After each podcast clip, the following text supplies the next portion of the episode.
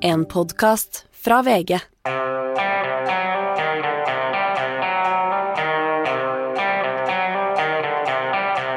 Gjever og gjengen har vært på kino og sett på filmen 'Makta rår' om Giske-saken. Det er nye diplomatiske initiativ i Ukraina-krigen, og det er et gjennombrudd i den såkalte Martine-saken. Dette er Gjever og gjengen. Det er tirsdag den 8. mars. Gratulerer med dagen, store og små. Ja, uh, Tor Erling Tømt Ruud fra vår uh, søsterpod uh, Krimpodden. Hei. hei.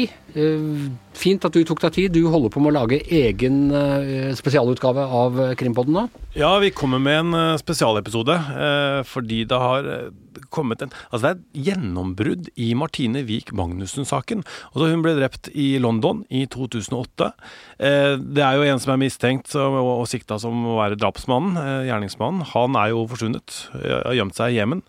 Men nå har de altså da arrestert en kvinne i 60-åra. Har hun vært nevnt i saken tidligere? Ja? Nei, det, er det, det, det kommer overraskende på. Og vi har med oss Øystein Milli. Vi har også med oss eh, Marianne Vikås Tofthagen, som har skrevet bok om Martine-saken, og også nå lager en TV-dokumentar om den saken. og som jobber her i VG. Som også jobber her i VG. Er sjef for krimjournalisten her i VG. Eh, og for, også for henne så er dette her helt nytt og veldig spennende. Ja, Så det blir spennende. Hør på Krimpodden. Når er den uh, klar? Vi er ute i ettermiddag. Supert. Og da skal vi over på en helt annen sak.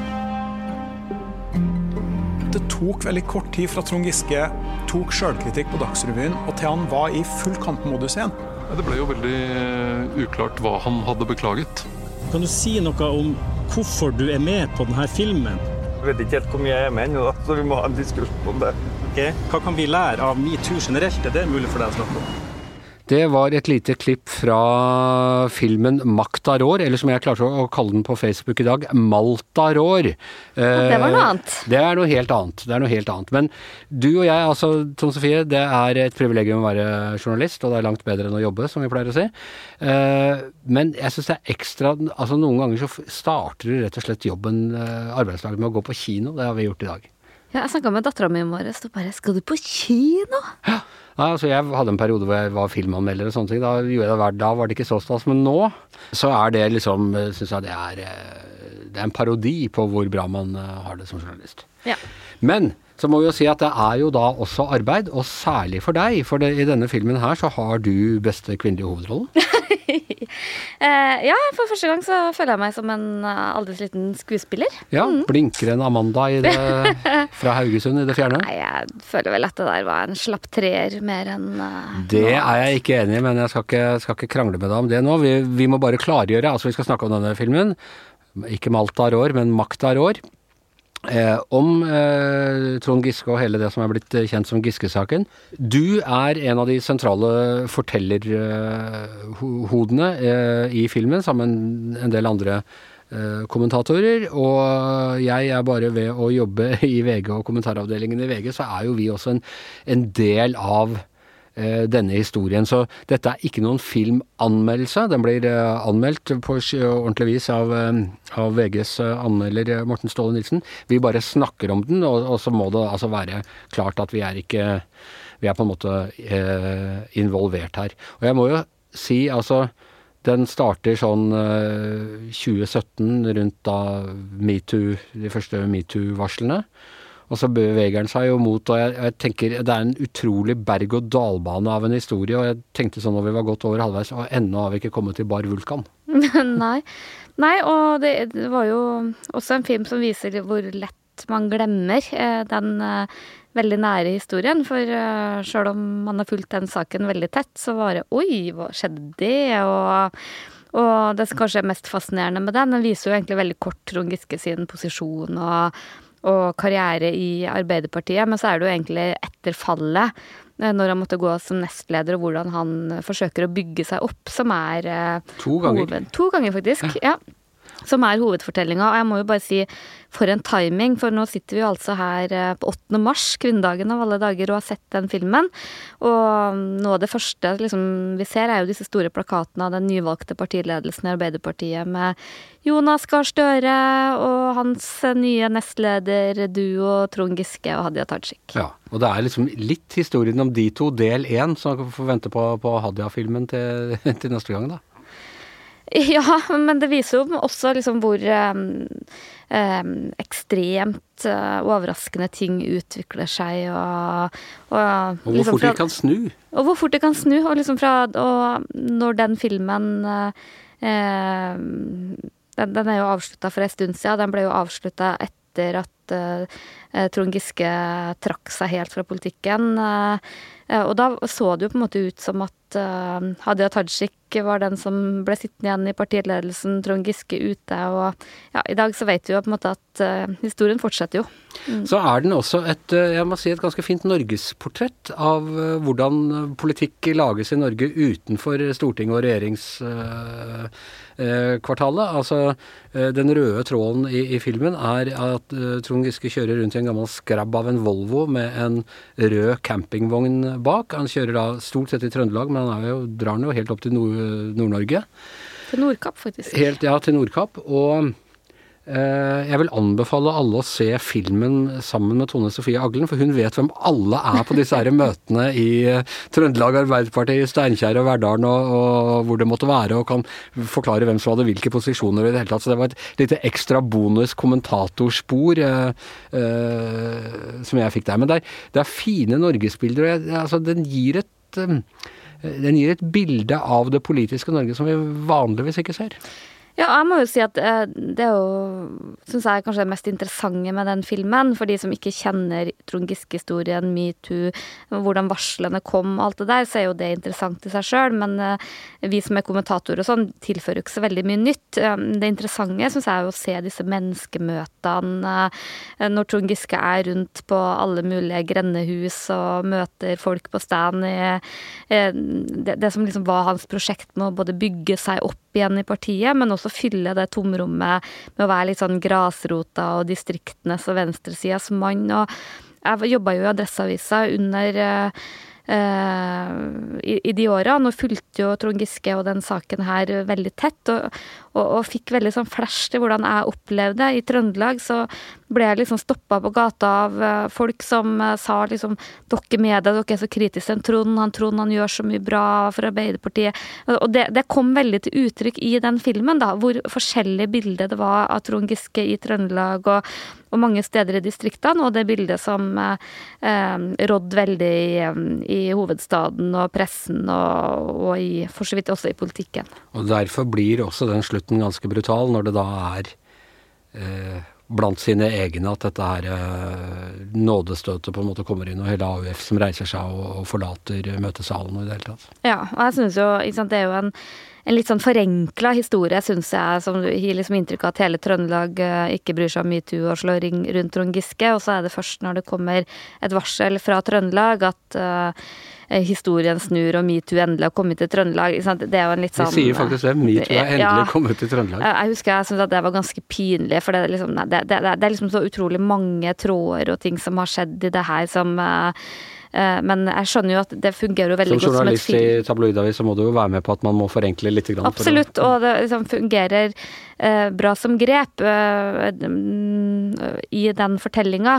Eh, men for oss som liksom har fulgt den saken der tett, så er det jo utrolig mange sånn tilleggsdimensjoner og sånn som hadde vært interessante. Man kommer liksom ikke så veldig under overflaten på, på det som var den eh, historien, da. Trond Giske selv er ikke fornøyd Altså, han har, har vært med. Han regissøren er delvis med selv i, i filmen. Han er litt sånn Timmy Gresshoppe som sitter i, eh, sitter i baksetet. Litt sånn skjult bak Ja, litt gjemmer eh, seg bak ja. passasjersetet og driver intervju med sånn eh, lang mikk, og plager Trond Giske litt med, med spørsmål som Trond Giske ikke har så lyst til å uh, svare på. Og så har altså Giske er ikke fornøyd med hvordan den filmen til slutt ble, så vidt jeg har skjønt. Nei, eh, det var nok ikke den filmen han så for seg. Det var ikke en, eh, en metoo-film han ønska seg. Det var nok mer eh, et portrett av han. Det sier han jo også åpent i begynnelsen av filmen, at det er politikken og menneskemøtene og velgerne han vil vise fram, mens Håvard Bussnes, som regissøren heter, han eh, var jo veldig opptatt av eh, metoo, av varslerne, deres historie, og konfronterer eh, Trond Giske med det. Eh, og det er jo noen litt sånn Det er noen litt vonde scener i bilen der. Ja, det er noen ganske eh, vonde scener, og du, du, du ser jo liksom at det var vel ikke helt dette Trond Giske mente han hadde sagt ja til å eh, være med på. Det har nok ikke vært så veldig enkelt å løse den eh, filmen heller, men eh, den viser også ganske sånn interessant hvordan eh, hvor- Hvorfor ting snur, da. Ikke sant? Hvordan eh, Trond Giske måtte gå eh, Hvordan han klarte liksom å bygge seg opp. Så kom Bar Vulkan-saken, som snudde veldig det narrativet. Og han var liksom på full fart tilbake.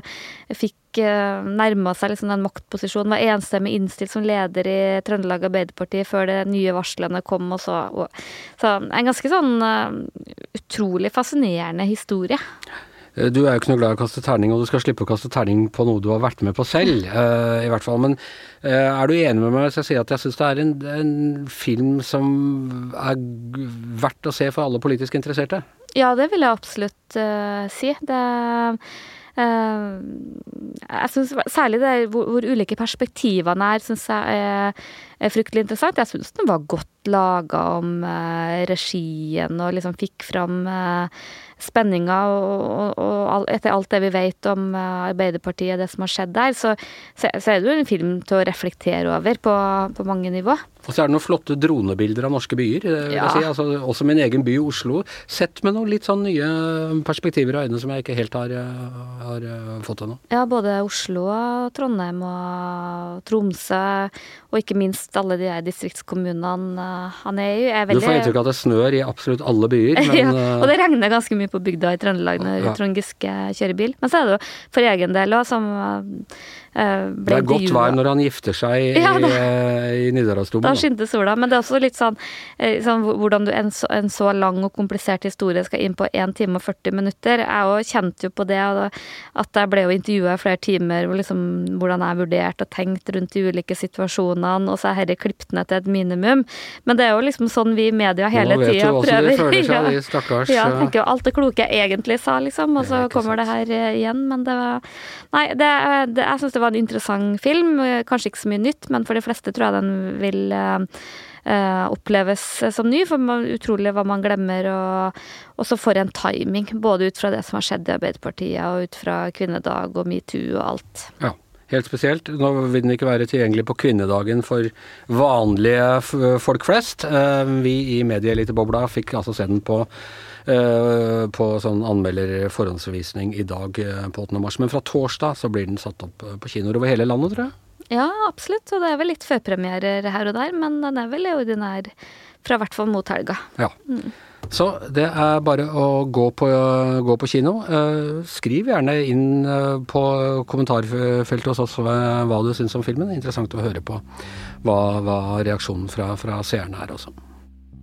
Ja, krigen i Ukraina går ufortrødent videre, men eh, nå er det noen eh, diplomatiske initiativ eh, på gang, Per Olav? Ja, det er jo egentlig ikke mangel på eh, politikere som vil forsøke å megle i denne, her, i denne krigen. Eh, og det er jo faktisk veldig bra. At det er eh, mange som forsøker å få til en forhandlingsprosess. Og altså, ja, hvem er det Hva er de ledende initiativene, da? Ja, altså På europeisk side så har jo Emmanuel Macron vært den som hyppigst har vært i kontakt med, med Vladimir Putin. Um, men det har ikke vært uh, så vellykket. Og det er på en måte ikke så lett for vestlige ledere å gå inn i denne meglerrollen, siden de jo klart støtter Ukraina. uh, politisk og moralsk og på andre måter uh, i denne saken. Sånn at så har det vært andre da, som har gått inn og forsøkt å ha den rollen. Um, Den israelske statsministeren Naftali Bennett han har jo reist til Moskva, og han har også hatt møter med den tyske forbundskansleren og samordnet seg mye med USA. Og um, har forsøkt å, å, gå inn i en rolle. Har uttrykker en slags sånn for, På israelsk side så er de sånn forsiktige optimister på at dette kan føre frem, men at det kommer til å måtte innebære ganske smertefulle innrømmelser på begge sider hvis de skal ikke lykkes med det. da. Og så har du um, Tyrkia, som forsøker å spille en rolle, og der er i hvert fall kommet det konkrete ut av det at den um, ukrainske utenriksminister Koleba han skal jo da reise til Tyrkia eh, på, planlagt på torsdag og møte Lavrov, den russiske utenriksministeren. Og Det er det møtet som er på en måte på det høyeste politiske nivå eh, som har vært da mellom disse to land siden krigen startet for snart to uker siden. Og så har Zelenskyj antydet at han gjerne vil treffe Putin. Han mener at det eh, er det naturlig at han og Putin snakker sammen og Og direkte møtes fysisk. møtes, ja.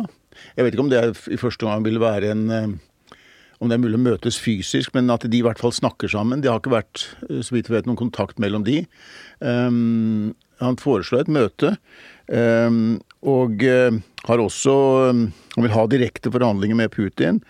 Og han har også, han sa i et intervju med ABC News i USA nå at uh, han var villig til å snakke om den framtidige statusen for Krim og Donbas-regionen, som jo har vært sånne områder som har vært stridens kjerne her, i hvert fall før den store invasjonskrigen startet. Og hva skulle han ha å gi der, tror du? Han, han, han åpner ikke for noen kapitulasjon, og at han skal gi fra seg disse territoriene, eller at det skal liksom oppgi kontrollen over det, men, men det er vel mer et, en, eh, en åpning for å se på eh, hva slags tilhørighet, tilknytning de skal ha eh, til eh, nasjonen Ukraina.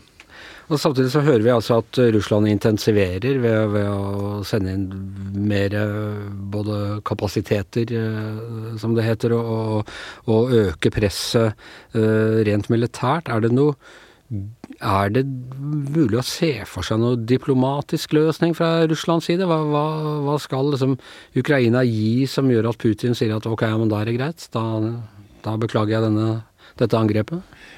Det er vanskelig å se for seg en, en, en løsning på dette som eh, Fordi de står, så på, totalt på forskjellige eh, Har så forskjellige posisjoner.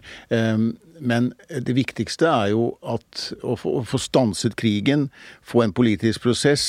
Og den som kanskje har størst mulighet til å kunne påvirke det, er jo den kinesiske presidenten Xi Jinping, som jo har en veldig nær allianse med Putin, eh, som ble styrket da Putin var under, eh, til stede under åpningen av OL. Og Kina omtaler Russland som deres viktigste strategiske partner.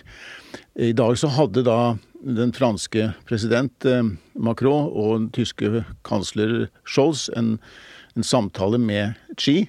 Og da var nok hensikten å eh, forsøke å legge et visst press på Kina for at de kunne spille en mer aktiv rolle og forsøke å presse Russland til, til forhandlingsbordet.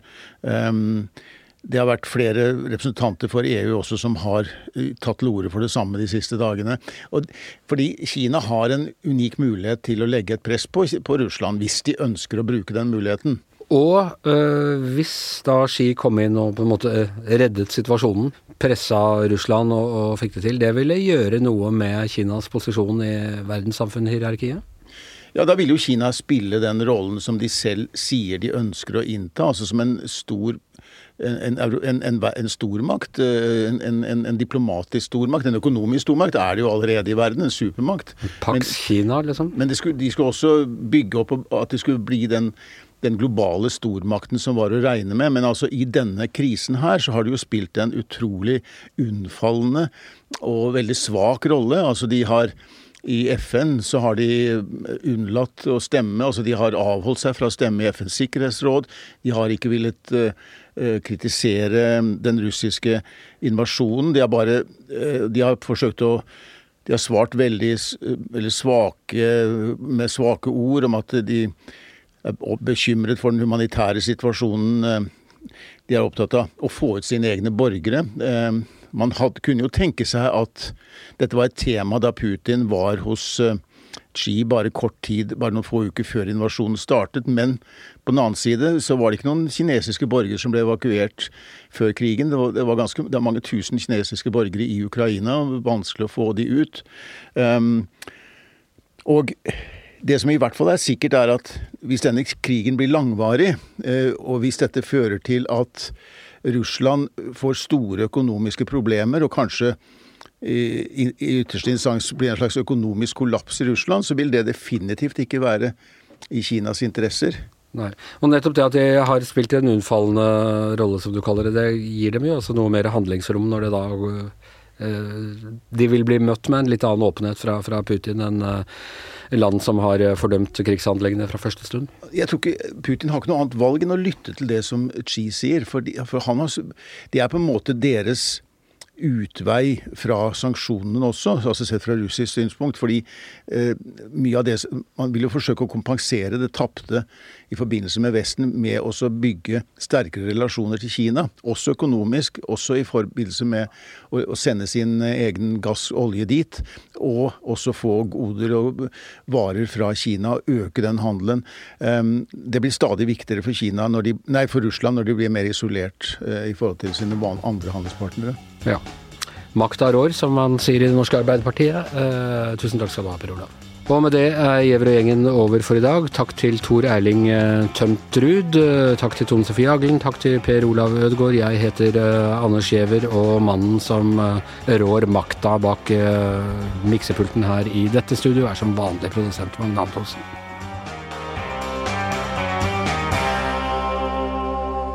Du har hørt en podkast fra VG. Ansvarlig redaktør, Gard Steiro.